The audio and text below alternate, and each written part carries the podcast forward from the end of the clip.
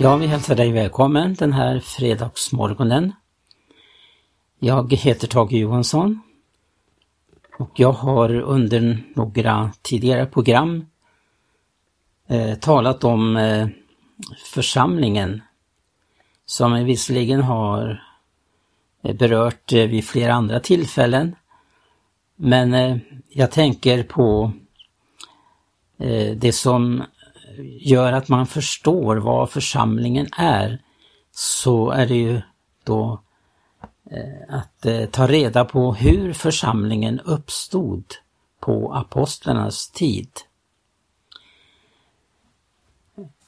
Det finns ju tider då det, liksom det var på Josias tid, då krävdes det en reformation. Han var ju verkligen en som reformerade. Ja, det betyder ju då att man gör, förändrar någonting, förbättrar någonting. Och det var ett stort behov i den tiden då Hosea trädde fram som konung i Juda.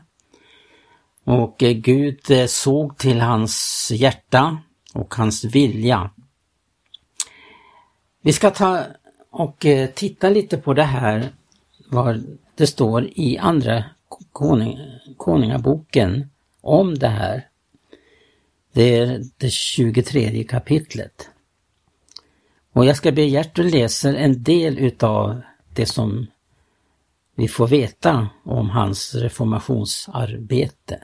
Jag ska särskilt understryka att då det gäller församlingens, hur den uppstod, så eh, behövde ju inte apostlarna eh, reformera någonting med tanke på att eh, de var trogna den gudomliga uppenbarelsen om församlingen och att de följde den mönsterbild som Gud gav dem.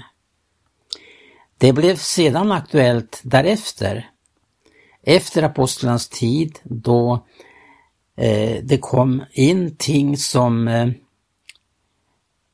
Eh, gjorde att eh, det verkade avledande på församlingen.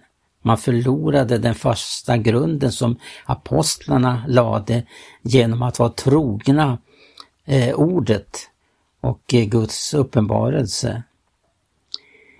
Det var väldigt avgörande då för apostlarna att hålla fast vid detta. Problem var det ju alltid frågan om, men de stod troget fast och vaktade dörren till församlingen. Att inte låta någonting av detta bli befäst som ville ödelägga församlingen. Men nu ska vi läsa om Josia och eh, jag ber Gertrud läsa därifrån Andra Konungaboken från vers 1 i kapitel 23. Ja, Josias reformation. Kungen sände bud och lät kalla till sig alla de äldste i Juda och Jerusalem. Och kungen gick upp i Herrens hus. Alla judamän och alla Jerusalems invånare följde honom. Också prästerna och profeterna och allt folket från den minste till den störste. Han läste upp för dem allt som stod i förbundsboken som man hade funnit i Herrens hus. Och kungen trädde fram till pelaren och slöt inför Herrens ansikte det förbundet att det skulle följa Herren och hålla fast vid hans bud, vittnesbörd och stadgar av hela sitt hjärta och av hela sin själ och upprätthålla detta förbunds ord som var skrivna i denna bok. Och allt folket ingick förbundet. Därefter befallde kungen översteprästen Hilkia och prästerna under honom, liksom dem som höll vakt vid ingången, att de ur Herrens tempel skulle föra bort alla de föremål som var gjorda åt Baal och Aseran och åt himmelens hela härskara. Och han brände dem utanför Jerusalem på Kidrons fält, men askan efter dem lät han föra till Betel. Han avsatte också de avgudapräster som judakungar hade tillsatt för att tända offereld på offerhöjderna i Judas städer och runt omkring Jerusalem, liksom dem som tände offereld åt bal, åt solen, åt månen, åt stjärnbilderna och åt himlens hela härskara. och han förde Aseran ut ur Herrens hus till Kidrons dal utanför Jerusalem och brände den där. Han stötte sönder den till stoft och kastade stoftet på den allmänna begravningsplatsen. Han rev dessutom ner husen för dem som utövade manlig tempelprostitution i Herrens hus och där kvinnor vävde tyg till tält åt Aseran. Han hämtade alla prästerna från Judas städer och orenade offerhöjderna där prästerna hade tänt offereld, från Geba ända till Bersheba. Han bröt ner offerhöjderna vid portarna, det som fanns vid ingången till stadsfogden Josuas port och det som fanns till vänster där man gick in genom stadsporten. Men offerhöjdsprästerna fick inte stiga upp till Herrens altare i Jerusalem utan de åt osyrat bröd bland sina bröder. Josia orenade också Tofet i Hinoms barns dal för att ingen skulle låta sin son eller dotter gå genom eld till offer åt Molok. Han tog bort de hästar som juda kungar hade invigt åt solen och ställt upp så att man inte kunde gå in i Herrens hus, vid hovmannen Netan Meleks kammare i Parvarim. Solens vagnar brände han upp. Kungen bröt ner altarna på taket över Ahas övre sal som judakungar hade gjort. Likaså de altaren som Manasse hade gjort på de båda förgårdarna till Herrens hus. Sedan skyndade han bort därifrån och kastade stoftet av dem i Kidrons dal. Han orenade offerhöjderna öster om Jerusalem och söder om fördärvets berg som Israels kung Salomo hade byggt åt Astarte, sidoniernas vidrighet, åt Kemors, Moabs vidrighet och åt Milkom, ammoniternas avskyvärda avgud. Stoderna slog han sönder och aserapålarna högg han ner. Platsen där de hade stått fyllde han med människoben. Han bröt också ner altaret i Betel med dess offerhöjd. Det var den offerhöjd som Jerobiam, Nebats son, hade byggt upp, han som fick Israel att synda. Därefter brände han offerhöjden och stötte sönder den till stoft och brände dessutom aseran. När Josia såg sig om och fick se gravarna som fanns på berget lät han hämta ut benen ur gravarna och brände dem på altaret och orenade det så i enlighet med Herrens ord genom gudsmannen som sa att det skulle ske. Kungen frågade, vad är det för ett minnesmärke som jag ser där? Folket i staden svarade, där ligger gudsmannen begravd, han som kom från Juda och ropade mot altaret i Betel att det skulle ske som du nu har gjort. Då sade han, låt honom vara, ingen får röra hans ben. Så lämnade man hans ben i fred och även benen av den profet som hade kommit dit från Samarien. Josia avlägsnade också alla de offerhöjdshus i Samariens städer som Israels kungar hade byggt upp och som väckt Herrens vrede. Han gjorde med dem precis på samma sätt som han hade gjort i Betel. Alla offerhöjdspräster som fanns där avrättade han på altarna och brände människoben ovanpå dem. Därefter vände han tillbaka till Jerusalem. Kungen befallde allt folket fira påskhögtid åt Herren er Gud så som det är föreskrivet i denna förbundsbok. En sådan påskhögtid hade nämligen inte firats sedan den tid då domarna dömde Israel, inte någon gång under hela den tid som kungarna regerade i Israel och Juda. Det var först i kung Josias artonde regeringsår som en sådan påskhögtid firades åt Herren i Jerusalem. Dessutom skaffade Josia bort andebesvärjarna och spåmännen, husgudarna och avgudarna och allt det avskyvärda som man kunde se i Judaland och i Jerusalem. Han gjorde det för att upprätthålla det lagord som fanns skrivna i den bok som prästen Hilkia hade funnit i Herrens hus. Före Josia hade det inte funnits någon kung som var som han. Ingen som så av hela sitt hjärta, hela sin själ och hela sin kraft hade vänt sig till Herren i enlighet med hela Mose lag. Efter honom kom inte heller någon som var lik honom. Ja, när vi läser om Josias reform, reformationsarbete så eh, känner vi igen vad Gud sa till Israels folk när de skulle inta löfteslandet som Gud hade givit dem. Där det handlade också om att eh, bryta ner, bränna upp, eh, förstöra och eh, Ja, i, i, en, man skulle göra allt i enlighet med, med Guds befallning. Skillnaden ifrån den här situationen som det var för Josia är den att eh, här var det frågan om att ta tur med en djup avfällighet i, bland Guds folk. Och när vi läser i Gamla Testamentet så ser vi Eh, tydligt den jämförelse med den kamp som församlingen har under Nya Förbundets tid. Då det här som sker i Gamla Testamentet är förebilder och eh, i Nya Förbundets tid så handlar det om andliga verkligheter där vi för en kamp, icke mot kött och blod utan mot furstar och väldigheter och världshärskare, mot ondskans andemakter i himlarymderna. Men det är verkligen av värde att eh, eh, jämföra den här situationen när de skulle inta landet. Därför att då var det frågan om att inte man skulle reformera någonting. Som också apostlarna fick uppleva att de behövde inte det. Här var det ju frågan om att eh, de skulle fullfölja Guds uppdrag när de skulle inta landet. Men under Josias tid var det frågan om, där var det behov av ett reformationsarbete. Israels folk i löfteslandet skulle inte reformera där, utan det skulle helt enkelt handla om ogudaktiga människor, att de skulle driva ut dem för att ge plats åt att eh, bygga upp Eh, det som Gud hade fastställt för folket. Det är ju det som också apostlarna talar om, det gäller församlingen, den ska byggas upp enligt eh, mönsterbilden och en, den grund som Jesus Kristus själv är. Ingen annan grund kan läggas.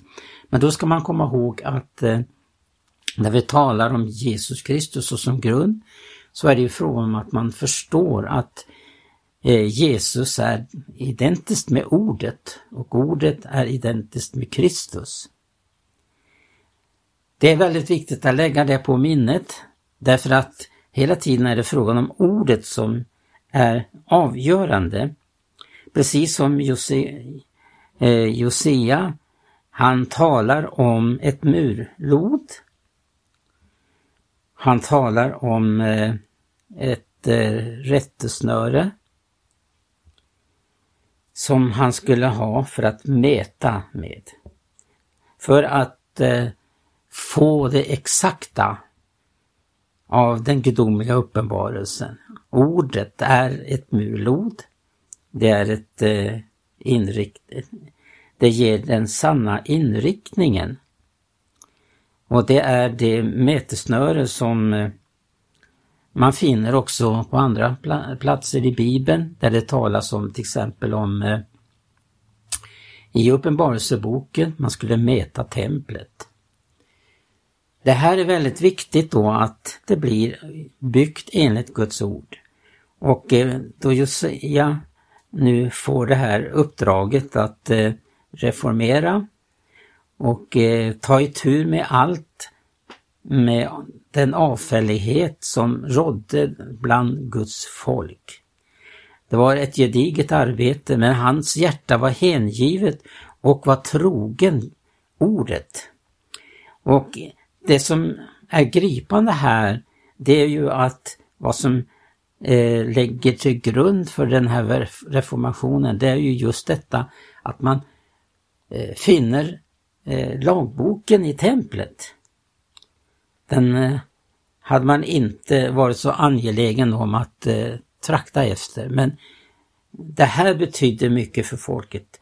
Och genom att det fanns någon som ville ta eh, ordet till sig som Josia gjorde och göra därefter. För vad hjälper det om man hör men inte gör? Det är ju det som kännetecknar reformationsarbete. Det är ett eh, mödosamt arbete. Men eh, det fanns en drivkraft i Josia att göra detta för Herren, Han älskade Herrens ord. Och ah, Guds ord går alltid i uppfyllelse. Det fanns profeter som redan hade uttalat om det som eh, Josia fick verkställa och uppleva. Det finns ju mycket att säga om det här och jag tror att jag ska fortsätta också nästa fredag och tala just om, inte bara det här hur en församling uppstod. När vi då tänker på folket som skulle inta landet och hur de skulle eh, gå tillväga så eh, handlar det ju då om att de skulle upprätta någonting i landet. Landet hade de fått av Gud, ett land som flyter, som flöt av mjölk och honung och som de med Guds hjälp skulle inta. Det som kunde hindra dem att inta landet, det var ju det som skedde genom Akan som förgrep sig på det tillspillogivna.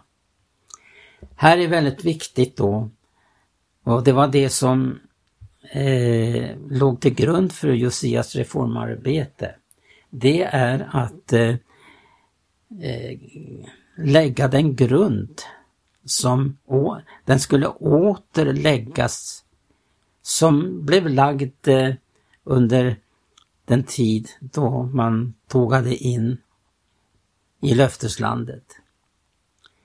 Gud hade givit dem landet. Det var färdigt. Allting var klart. Men det var frågan om att de skulle upprätta detta då med, som gäller en ordning för Guds folk. Det talas ju om att det finns en ordning till exempel för Guds församling det kan vi läsa om i brevbrevet. Vi kan läsa om det, vad Paulus undervisar om detta. Eh, han till exempel säger att jag gläder när jag, mig när jag ser den ordning som råder bland eders. Så skriver han till en församling. Det finns en ordning som ska upprättas. Det här är väldigt intressant därför att eh, eh det kan inte bli Församling kan inte bli en Guds boning där Gud vill bo om det inte är upprättat efter en plan och eh, den ritning som Gud har givit. Gud gav ju Salomo en ritning hur han skulle bygga. Han skulle inte bygga hur som helst efter sin egen tanke till exempel. Utan allt skulle ske i överensstämmelse med vad Gud hade uppenbarat. Och när Salomo hade gjort detta, står det, så kom Guds härlighet att sänka sig ner över detta tempel. Och Det är det som Paulus tänker på när han skriver i Fesebrevet att församlingen skall växa upp. Det här är ingenting som sker på en kafferast utan det är ett eh, noggrant och eh, mödosamt arbete. Det är därför som apostlarna talar om att de är Guds medarbetare, som de är Guds eh, byggmästare, de bygger. De har fått eh, av arkitekten som är Gud själv eh, en ritning och efter den då så byggde man upp Guds församling. Och Det var därigenom som församlingen uppstod också att det var frågan om, som på apostlarnas tid, att de var eh, undergiven anden som uppenbarade hur de skulle gå tillväga. Hur de skulle få uppleva det här som jag återkommit tidigare, att eh, hur man blev en levande sten som skulle infogas. Det är en sak att bli en levande sten. Det är en sak.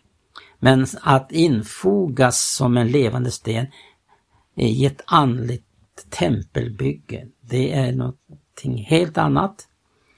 Det första föregår det ena och det för att uppleva det andra. Vi blev uttagna, gjorda som för att bli en levande sten som Petrus talar om, att vi ska låta Gud uppbygga oss till ett andligt tempel genom att han får insätta denna sten. Och så finns det också den här bilden av en kropp, församlingen kropp, där Gud har satt in lemmarna så som han har velat. Om vi ser ut i vår tid idag så känner man verkligen och det stiger en bön i ens hjärta, Gud upprätta församlingen också i denna tid. Och det är väl det som också vi har upplevt under gångna tider i Maranata, att det var församlingen, förkunnelsen av församlingen som blev det centrala i undervisningen. Därför att Gud vill församlingen, Gud vill eh, upprätta församlingen. Om vi har lyckats eller inte som Maranata-folk, det överlämnar jag dig att bedja Herren om att det blir uppenbarat. Så att du vet vad du arbetar med, vad du gör. Att du får vara med i, i arbetet. I, det är ett, eh, stort arbete detta. Som vi upplever att eh, apostlarna verkligen talar om när de säger att de var Guds medarbetare. De var byggmästare och att församlingen var ett åkerfält och en Guds byggnad. Reformationen, ja som Josia upplevde då, den var nödvändig därför att folket var så djupt avfall, har avfallet så djupt. Och är det någon tid som vi upplever Guds folks avfällighet så är det verkligen det vi upplever i vår tid. Det är ett djupt avfall. Men Gud begynner, Gud tar ut ett nytt folk. Han begynner igen. Det var det som Gud sa till Jeremia, gå till krukmakaren, jag vill ta. Han, och det här gällde då Guds folk. Kan jag inte göra så med er som krukmakaren gör, säger Gud till Josua. Kan jag inte göra så med mitt folk? Ja, Gud vill och Gud kan, men frågan är om folket vill. Och vi förstår av det som händelser som Jeremia fick uppleva att han fick arbeta med ett gelstrivet folk och att Gud hade ingen annan utväg än att detta folk skulle föras bort ifrån sin stad, från sitt land och templet som blev nerrivet på grund av människors olydnad. Det var det som låg till grund för att det var behov för ett reformationsarbete när Josia blev konung. Det här är ett stort och viktigt ämne i vår tid, om församlingen. Det är klart det, det finns många som lever så som ensamvargar eller många har inte fått en sann undervisning om församlingen. Och där blir det inte ordning med det hela utan vi förstår det att situationen till exempel om vi tänker på vårt eh, tillstånd i vårt svenska land, vårt svenska folk, så beror det mycket just på att det finns inte ett verkligt hem snart. Eh, barnen behöver en far och en mor och det behöver upprättas en ordning. Försam eh, familjen, det är inte någonting var som helst och där kan man inte släppa in heller var som helst. Och det har Gud också en tanke med församlingen. Ja, Gud välsignar var och en som har lyssnat och vi kommer igen att ta upp det här ämnet på återhörande.